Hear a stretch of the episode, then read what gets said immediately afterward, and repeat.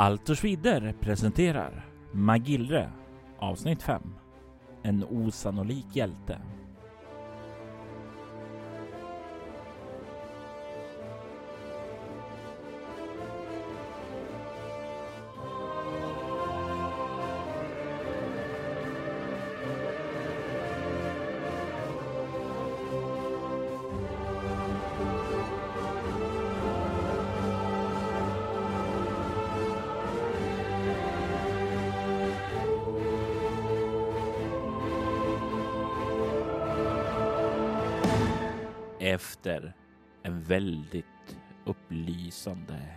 Kvällssamtal så lyckades Sanko få reta mer om sagoberättaren Asterion än vad han kanske hade hoppats på att få veta.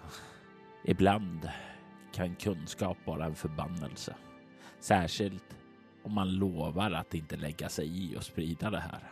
Natten var händelselös och ni båda vaknade upp på morgonen, gjorde frukost och började bege er iväg vidare söderut. Era vägar skildes åt strax efter lunch och du spenderade lunchen själv på ett värdshus i en liten by. Det här är dagen innan du kommer att komma fram till byn Estra där värdshuset Alsia och Siploditen ska finnas. Du äter lunch och fortsätter sedan vidare söderut. Och idag så är det inte en lika lugn dag som innan. Utan när du rider söderut så kan du längre fram höra ljudet av strid. Du kan höra stål möter stål där och du kan eh, se längre fram hur det verkar vara en man på en häst, en vit springare som har en värja i sin hand och som verkar eh, värja sig ifrån eh, angreppet som sker från ja, två luggslitna ovårdade män som verkar ha en verkar ha ett kort svärd, den andra verkar ha dolk och de verkar försöka attackera honom han försöker undvika deras attacker där. Så en beriden och två icke beridnas. De är också beridna. Ah, rider väl fram lite försiktigt. Du kan ju se hur eh, en av de här männen på en här hästen liksom rider upp närmare och eh, medan den andra hugger emot honom och han fäktar undan. Och han på den vita springaren liksom försöker värja dess kortsvärd därifrån det så kommer den andra tillräckligt nära för att slita tag i hans eh, mantel där och liksom dra honom av hästen. Och han landar med en duns där. Äh, vad står på här? Du kan se hur de eh, verkar rygga till lite och kolla bakåt mot dig och jag tänker att du kan få slå ett bluffarslag. Alltså bluffa är ju inte för att du ljuger utan det är ju för att verka intimiderande och ta kommandot där. 15 är inte lyckat. Du kan se att de eh, tänker definitivt inte lyssna på en anka som kommer där näbbandes eh, där bak utan du kan se hur eh, de verkar glida av sina hästar där samtidigt som den här mannen verkar vara på väg upp från eh, marken där. Jag rider närmare.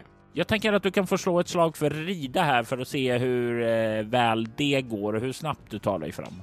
20! 19! Fummel! du sätter fart där och försöker rida i kapp i fo fort och det här var tur att du nämnde att eh, kryddorna var på dig och inte i sadelväggarna. För du faller ju av hästen när du försöker galoppera och den börjar spurta framåt och du landar med en duns och du kan slå en T3 plus en eh, erfarenhetspoäng för ditt fummel i rida. Tre. Sen så kan du slå en T6 i skada från fallet. Aj! Fyra. Skyddar min tygrustning, dämpar ja, den smällen? Ja, det gör den. Vadderad som du är så tar den en del av smällfallet. Du ser ju hur du landar där och du kan se där hur mannen verkar ha kommit upp på fötterna och då blir stucken i magen med en kniv i sidan. Där. Och samtidigt som han liksom med sin värja försöker att eh, värja undan kortsvärdet där och lyckas där. Men de är ju två mot en nu och du kommer upp sittande där och ser det här. Samt ponnyn som håller på väg och galoppera på väg bortåt. Vad går igenom Sankos sinne nu? Jag vet nog egentligen inte vad jag ska tro. Men eh, alltså ändå någon typ av lag och ordning. Eh, att, att, att, två stycken atta attackerar en som verkar vara på genomresan det är väl inte Samtidigt kanske, ja. Ser några heraldiska symboler. Eh, bara, nu, nu stannar jag inte upp och gör en stilstudie, men eh, har de någon typ av... Ja, jag har dålig koll på heraldiken här. Eh, men tänker om... Du kan inte se det härifrån. Kanske om du rör närmare och sådant så skulle det kunna gå och uppfatta det här. Men just nu är de ju involverade i strid och mm. rör sig fram och tillbaka där, så det är inte så att det är lätt att uppfatta något sådant där. Eh, nej, men jag försöker väl röra mig närmare. Du kommer komma fram nästa runda då. Under den här rundan så ser du ju hur eh, den här mannen försöker att eh, manövrera sig så att han får en position där han inte är flankad av de båda. Jag slår ett slag för hans taktik och du kan se hur han verkar lyckas med det. Han rör sig så att de inte längre har så att de kan sticka honom från båda hållen. Men han är ju fortfarande numerärt underläge där. Han lyckas parera nästa hugg som kommer ifrån dolken, men Frågan är vad kortsvärdet kommer att göra. Och det där var en 20. Och sedan slår jag en 19, så det är ett fummel. Du kan få äran att slå hans eh, fummelslag. 16. Och du kan se då hur han i sitt anfall där fumlar med svärd och det glider ur handen på honom och sätter sig rätt ned i foten. Han skriker till där. Du kommer fram nu och det är ett initiativ. En T20. Eh, jag har snabbslående. Ja, då är du först. Jag slår för dem. Eh, du ser ju nu att eh, den med kortsvärdet har ju inte längre ett kortsvärd utan han har den i, nere i foten och där han drar med en dolk där. Han har inte hunnit se dig ännu heller. Du kan se den här mannen i, eh, som har en värja eh, verkar lite glad att se någon annan dykt upp här. Han verkar inte se dig som ett hot. Vad gör du Sanko? Jag känner att den här konflikten är ju egentligen inte min. Men jag vill inte att de ska ta död på varandra innan jag får någon koll på vad det handlar om. Så att jag tänker nog att jag vill försöka oskadliggöra utan att döda. Alltså, eh, jag vet inte. Jag... Eh tänker nog att eh, det han med svärdet. Mm. Eh, att jag försöker komma upp och sen lägga klingan mot hans hals. Eh, och be honom lä lägga ner vapnet. Klingan med vad? Ja, Vilken klinga? Mitt slagsvärd. Eller ja, jag, jag har ju en dolk så jag drar nog dolken. Det är nog smidigare. det är det ju definitivt. Men jag tänker att du ska få slå ett slag med dolk och du får CL minus tre på den här manövern eftersom eh, du är kortare än honom. 16 är misslyckat. Och misslyckat kan ju tolkas på många, så många sätt. I det här fallet tolkar jag misslyckande som att du kan få slå skada. Eh, sammanlagt fem i skada du försöker ju ta upp där och du är ju kortare så det är svårt. Och det är särskilt svårt att försöka dominera situationen där när man är så mycket kortare där. Du får upp eh, dirken där, men det blir inte som så att du lägger det mot halsen.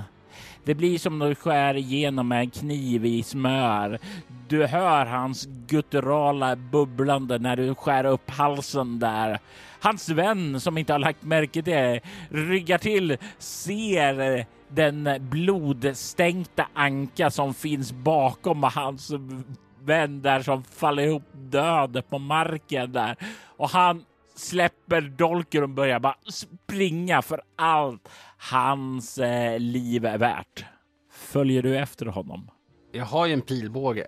Jag, jag, antar att jag gör en bedömning att han är betydligt snabbare till fots än jag är och min ponny är någon annanstans. Jag vill inte bli indragen i någonting så att jag tar upp min pilbåge och siktar. Du kan få slå ett slag med bågen där. Och du kommer att ha tre försök på dig att sänka honom innan han försvinner iväg. Vad har du, vad har du i bågen? 15 har jag i båge. Jag har också riddarens yrkesförmåga. Ja. Och då kan man göra maxskada. Ja, om, Om- man om man- träffar. Eller så kan du Sikta. spendera fem för att göra en eh, kritisk skada om du träffar. Ja, jag spenderar fem för att eh, jag vill inte att det ska komma några vittnen härifrån. Ja, och vad, vilken av förmågorna? Vill du göra en kritisk skada om du träffar eller vill du göra maximal skada? Och om du gör en kritisk eh, skada så väljer du också vilken kroppsdel du siktar på. Hur ser hans röst? Han har ingen rustning. Nej, han kanske har tjockt tyg. Eh, jag väl, vill nog, väljer nog göra en kritisk skada. Ja, om jag lyckas. Ja. Eh, Eh, spendera fem psyke. Ja. Eh, siktar mot huvudet. Varsågod att slå om du träffar. Eh, 12 är lyckat. Du kan notera en erfarenhetspoäng. Och då kan du slå en T20 för att se vilken kritisk skada du gör. 16. Pilen lämnar bågsträngen och far genom luften bort emot hans kropp som är nu hunnit 10-15 meter bort. Han flyr för sitt liv då pilen kommer ifatt honom och träffar han. Halspulsådern slits av och blodet sprutar ut över honom och marken framför honom Då han faller ihop. Han sprattlar där i några sekunder innan blodet som forsar ut ur halspulsådern får honom att sjunka ihop livlös på marken. Vad går igenom ditt sinne efter den här initiala händelsen där du ville pacificera situationen men det slutade i brutal masslakt istället? Jag eh, känner nog... Egentligen vill jag ju hålla mig utanför alla konflikter. Eftersom jag inte känner till motiv och sådant. Men Det verkar ha gått sådär med det.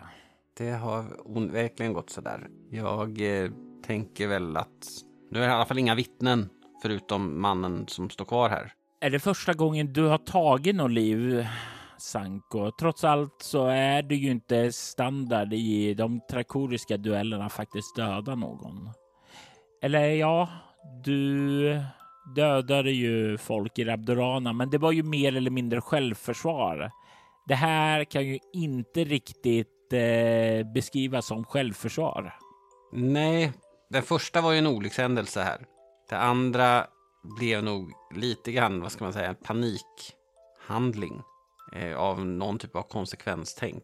Ja, nej, det, det är nog en, en del ånger eh, och framför allt funderingar på vad jag egentligen har gjort som sveper över mig. Samtidigt som jag är lite vaksam på vad som, vilken situation jag är i nu. Vem mannen som står här bredvid mig är.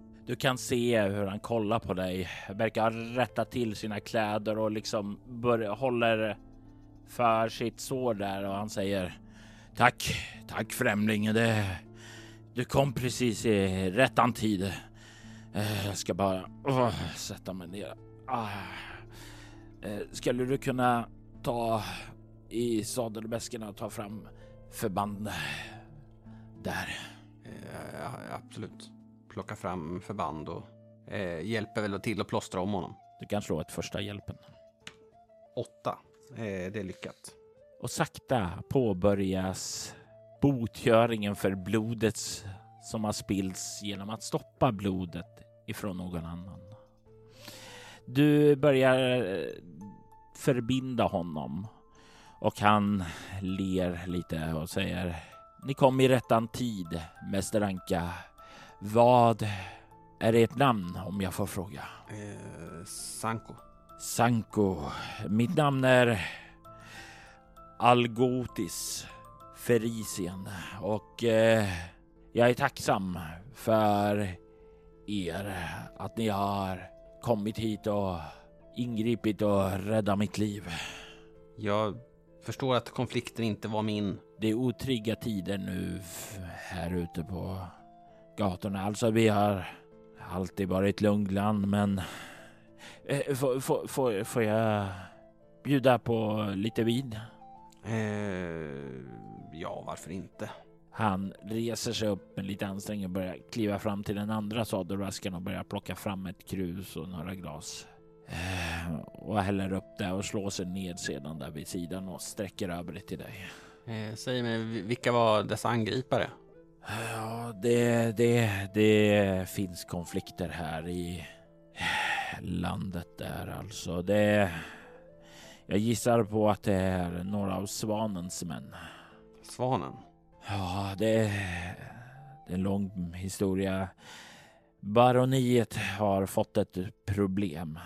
Han tar en klunk av vinen och sen så verkar han fundera lite och sen så säger han sedan länge, ja faktiskt ända sedan familjefejden efter Tortons död så har Gabrika varit känd för att vara en lugn plats. Bönderna har arbetat som de bör och Gabrika har klarat sig undan konflikter med andra baronier under lång tid. Men nu så har problemen börjat uppstå. Kanske syns det inte på ytan, men eh, folket är inte längre så troget som de en gång var. Vi misstänker att det finns en man som försöker samla folket för att störta vår vördade herre. Som inte kan vara oskyldigare än han är. Som ni kanske har hört är han sjuk och har varit så i många år och det verkar som om deras medkänsla börjar ta slut. Han torkar en lite lätt tår ur ögat. Det finns en man som verkar samla folket i någon form av underjordisk motståndsgrupp. Flera av baronens närmaste män har mördats och eh, transporter har plundrats.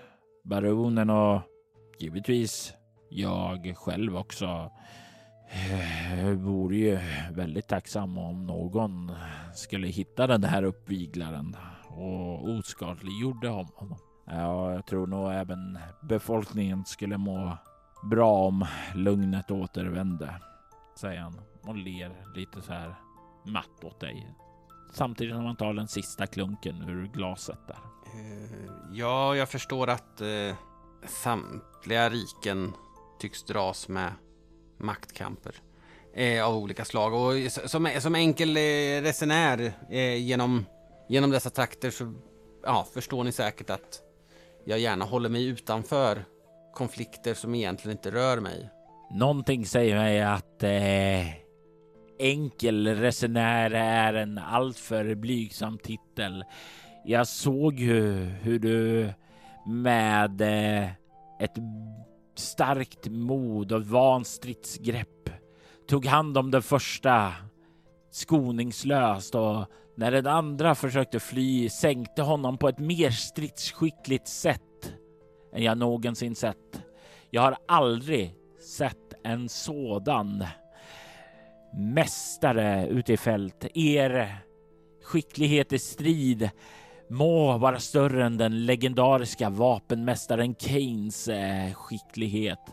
Jag har aldrig bevittnat något så effektivt tidigare. F faktum är att eh, baronen skulle nog säkerligen eh, kunna erbjuda en eh, god anställning för en sådan man som er för att eh, ta hand om problemet. Mm, eh, det är smickrande. Eh, jag eh, är ju som på genomresa i andra ärenden egentligen. Eh, jag förstår, jag förstår. Men om ni ångrar er är ni alltid välkommen till Gabrikas värn. Eh, det finns blott tre mil ifrån byn Estra. Det är bara säga till eh, vakterna när ni kommer att ni är Sanko, vapenmästaren, så kommer de att ta emot er. Eh, jag skulle uppskatta om, eh, eh, och även för er del så skulle det väl säkert vara fördelaktigt om eh ni, ni själv skulle ta på er äran av att ha slagit ner dessa nesliga anfall eh, för att på så sätt avskräcka från fler attacker. Här tänker jag tvinga dig till ett övertalarslag. 20! 13 fummel. Ja, du kan slå en T3 plus ett. Mm, det går bra nu. Jag slog en femma. Det vill säga du får fyra poäng i övertala. Det vill säga jag har fått nio erfarenhetspoäng på två, två avsnitt. Ja, på två dagar. Ja, mm. Du kan se vad han säger. Jag kan överväga det, men det skulle vara ohederligt av mig att ta på mig någon annans skicklighet. Trots allt så är ni en av de mest legendariska vapenmästare jag någonsin bevittnat. Att sänka två stycken på så här kort tillfälle. Det är inte någonting som någon kan göra. Och jag såg ju precis innan det kom att en måste ha sett dig komma, ty han blev så rädd att han tappade sitt svärd ned i foten. Han darrade av er ankomst. Er ära. Alltså, det skulle ju vara ett hån emot gudarna att ta er ära ifrån det. Ett hån som inte jag vill göra. Nej, jag förstår. Ja, jag, jag förstår att eh, ni står på god fot med baronen. Eh, absolut. Jag eh, är en av hans närmsta män. Innan han blev sjuk var jag hans högra hand. Eh, dödligt sjuk eller är det? Det är en ständigt återkommande plåga som åkommer honom. Ena dagen så är det gikt, men andra dagen så är det en hög feber som han eh, åkämpar. Han är en man som gudarna själv verkar vilja hålla vid liv, ty åkomma på åkomma drabbar honom. Vår medicus Sartibug gör sitt bästa för att hålla honom i liv och slagkraftig att äh, styra vårt baroni. Men jag önskar ju att det vore som så att gudarna förbarmade sig över oss och gav honom friskhet i både kropp och sinne. Varje dag så ter det sig att det är en ny sjukdom han får. Det måste vara en jobbig tillvaro. Det är det. Det är jobbigt för oss och tyvärr även för folket där. Även om de borde ha större förståelse för allt gott han har gjort dem.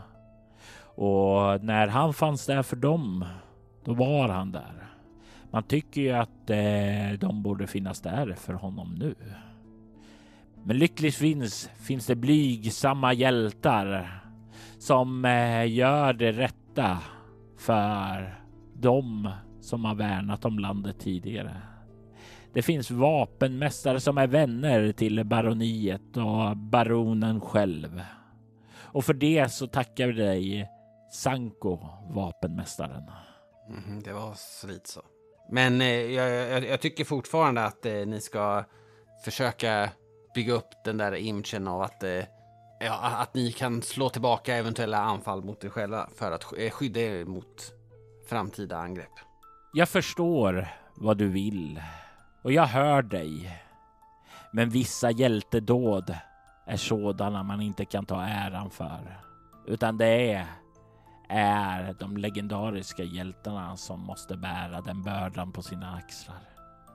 Och tro mig, folket kommer må gott av att höra att även främlingar står upp för baronen och mot svanens män. Det kanske får dem att stå upp för baronen i hans tid av nöd. Mm. Eh, jag vet inte vad... Som sagt var, blygsam som jag sa. Jag, jag tror jag, jag, måste ta och börja bege mig mot Gabrikas värn. Eh, vad var ni på väg sa ni? Sydväst. Eh, ja, närmsta anhalt blir väl eh, Estra. Ah, men då kan vi dela väg eh, tillsammans. Eh, det kan vi göra. Eh, jag, jag, jag, såg att ni hade någon eh, ponny. Ja, jag måste nog leta reda på den och försöka. Ja, den blev lite skrämd i tumultet. Eh, jag förstår det. Den eh, måste ha känt ondskan ifrån Svanens män och valt att försöka ta sig i säkerhet för de där typerna. De eh, var redo att ge sig på hästar. Men eh, låt mig sätta mig upp på min häst så kanske jag kan rida och kolla lite, lite vidare cirklar och se om jag kan se honom. Så rör vi oss lite framåt där. Okej, kan vi göra. Ni båda kan få slå ett slag för spåra. Och han har inte färdigheten spåra, men han har inte baschans på tre. Jag slår nio, så han hittar inte din häst. 17 slår jag, så att eh, jag har tre i spåra. Så att eh, hästen, häst. Men eh, de var beridna. Han, eh, ja, de var ju faktiskt beridna. Eh, så det är ju två hästar här. Jag lånar en ponny. Kommer du vaka med en häst? To be fair så ja. tror ju bytet i sig inte kommer vara eh, någonting som eh, Mäster eh, Mestras kommer att klaga för. Eh, Nej, en, en ponny är värd mindre än en häst. Du kan Men... förslå ett intelligensslag. Eh, risken är att hästen är märkt. Du behöver inte slå ett intelligensslag för det var exakt det som kan vara ett problem. Eh, jag eh, försöker väl kolla. I, ja, men för ofta sätter man väl eh, antingen under sad där sadelväskorna sitter eller på med människor, med typ höfterna, alltså eh, bak, på bakre delen ja. eh, där vid svansen då. Eh, du kan slå ett finna dolda ting. Fyra är ett lyckat. Ja, båda hästarna är märkta. När på dygnet var vi nu? Tidig eftermiddag. Eh, jag tänker ge dig ett val här. Eh, du kan ju spendera tid här i trakten, stanna kvar, slå läger och försöka leta och hoppas du kan hitta ponnyn. Men i så fall kommer du få färdas själv på eh, vägen för Algotis Fers Ferisan eh, måste tyvärr vidare. Men om han rider själv så kan det vara som så att han sprider ordet utan att du får en chans att påverka det. Det är tur att jag är en osynlig anka som inte är lätt att känna igen. Ja, nej, men jag... Dels är jag ju täckt i blod eftersom det sprutar blod över mig.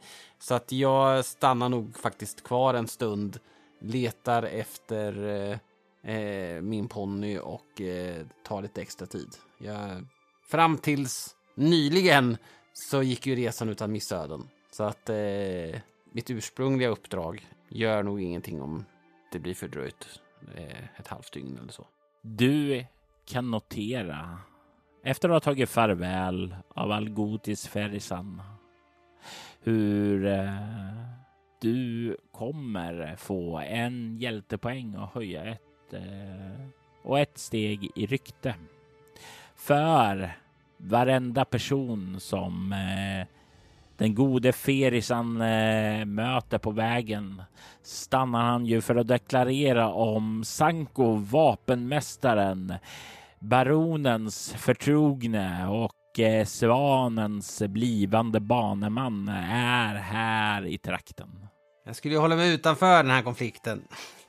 Oavsett vad tanken var så är du nu mitt i konflikten när du får tid här och liksom börja sätta upp läge, börja leta efter hästen så går du ju liksom själv med tankarna snurrande. Hur du har mött en av motståndsmännen där som väntar på det här värdshuset där du är på väg och hur eh, den gode Algotis Ferisan nu har sett dig i, i ett go gott sken och nu verkar vilja lägga äran på dig att du står på baronens sida. Allt det här på mindre än ett dygn. Oavsett så känner jag väl att jag kommer behöva förklara mina handlingar. Initialt så kände jag väl att jag helst skulle vilja höra lite grann från folket, för nu har jag hört från två, ja men en motståndsrörelse och eh, från en baron. Eh, att höra vad gemene man faktiskt tycker skulle jag gärna vilja gjort först innan eh, jag hamnade i och blev indragen mitt i smeten. Men eh, är det så att skattetrycket är så hårt och eh, att all rikedom i landet samlas hos en person så förstår jag ju motståndsrörelsen. Och är det så att jag tvingas ta ställning så måste jag ju på något sätt vinkla det som att den där desperata handlingarna eller dumma handlingarna eh, var ett sätt att vinna förtroende för att komma nära. Helst vill jag inte vara inblandad alls. Du kan slå en T12 för att se hur många timmar det tar för dig att hitta hästen från klockan tre då du verkligen kan börja leta. Tio timmar, mitt i natten kommer den när jag har säkert slutat att leta. Då kommer den och vill ha morötter. Det är ungefär så det är. Du vaknar med att det är en blöt fuktig mule som börjar eh, buffa dig i ansiktet. Och när du öppnar ögonen så ser du att det är din kära lilla ponny. Jag hoppas ju att eh, den här fördröjningen inte har ställt till någonting utan att eh, jag kommer kunna göra en lugn och eh, anspråkslös eh, ankomst till Ansias, eh, Alsias värdshus. Men eh, det får jag nog reda på. Är det imorgon jag tror att jag kommer fram? Du skulle ju ha kommit fram då, men nu är det troligtvis kanske om, eh, inte imorgon då, utan kanske dagen därpå till och med. Tidigt på morgonen om du inte rider mitt i natten där. Men eh, då kommer troligtvis även värdshuset vara stängt när du anländer dit. Ja, men då får det vara så. Eh, om jag inte ska rida i sporrsträck, men min ponny har ju varit ute och sprungit, och vandrat hela natten nu. Ja, jag har eh, gott om mat, eh, se till att vila ut eh, och eh, börjar väl rida igen nästa morgon när jag packat ihop. Och tänker att eh, mitt huvudsakliga ärende verkar ju gå bra. Tänk bara om resten av ärendena skulle kunna gjort det. Eller att man inte skulle bli indragen i något nytt. Om det är så att eh, jag under nästa dag möter några vanliga bunder så har jag nog inget emot att stanna upp och liksom bara prata lite grann med dem för att få en känsla om hur, hur landet ligger. Jag tänker mig att du kan slå ett slag med eh, upptäcka fara för att eh, känna av sinnesläget liksom när du börjar komma fram till bönderna som du möter eh, under dagen. En etta. Slå igen. En fyra, så det är perfekt. En T4 plus 1. Tre. Du stöter ihop med en familj, en far och två söner som har varit ute och arbetat på fälten och nu verkar bege sig hem för, för att äta lunch där hemma. Du kan se redan när du börjar komma ridande upp där att fadern där på vagnen, han håller in hästen och den här vagnen stannar. Han kollar storögt på dig och hälsar gladeligen på dig, för du måste ju vara Sanko, vapenmästare, baronens rättrådiga man som är här för att eh, skipa fred och rättvisa. Han berättar att han har hört dådet om hur du nedgjorde två stycken av eh, rövarbanditen Svanens män och han är tacksam för det. Han verkar ganska positiv till dig. Du kan däremot lägga märke till att hans yngre söner, att de verkar inte dela hans glädje över det här, utan de kollar på dig med det här stinkande ögat som eh, ser dig i ett dåligt sken. De verkar inte alls uppskatta dig. Det är som om du har slagit ihjäl deras eh, bästa vänner och eh, kommit undan med det. Du får en känsla av att det är, det är en konflikt här inom familjen som de kanske inte ens, eller rättare sagt som kanske inte ens fadern är medveten om. Det är kanske som så att de äldre och lite mer erfarna kanske står lite mer på baronens sida medan de här yngre hetsborrarna kanske inte gör det.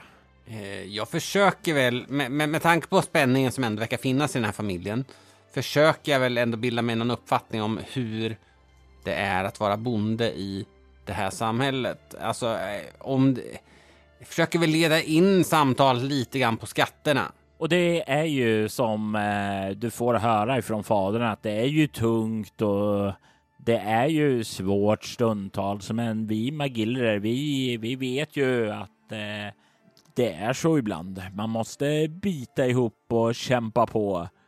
Det kommer att löna sig i slutändan. Alltså, baronen är ju sjuk och han har ju vakat över oss och det är ju så man får göra.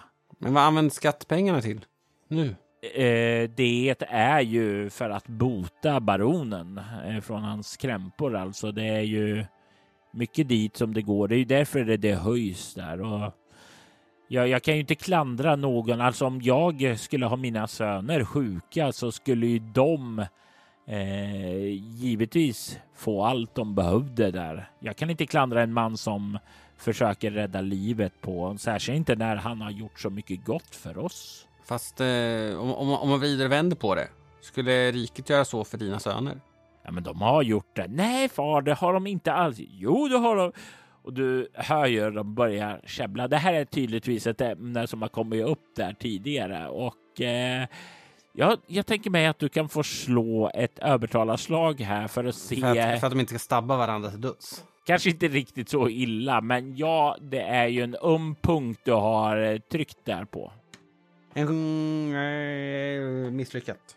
Alltså, det, och det är väl ungefär där som det slutar vara hjälpsam. De, de börjar dra sig in i sina interna gräl där och... Eh, jag känner väl att ja, men jag tackar väl och eh, ursäkta att jag rörde den här känsliga punkten. Eh, jag måste fortsätta. Och du lämnar den nu grälsjuka familjen bakom dig för att med din ponny fortsätta längs landsvägen.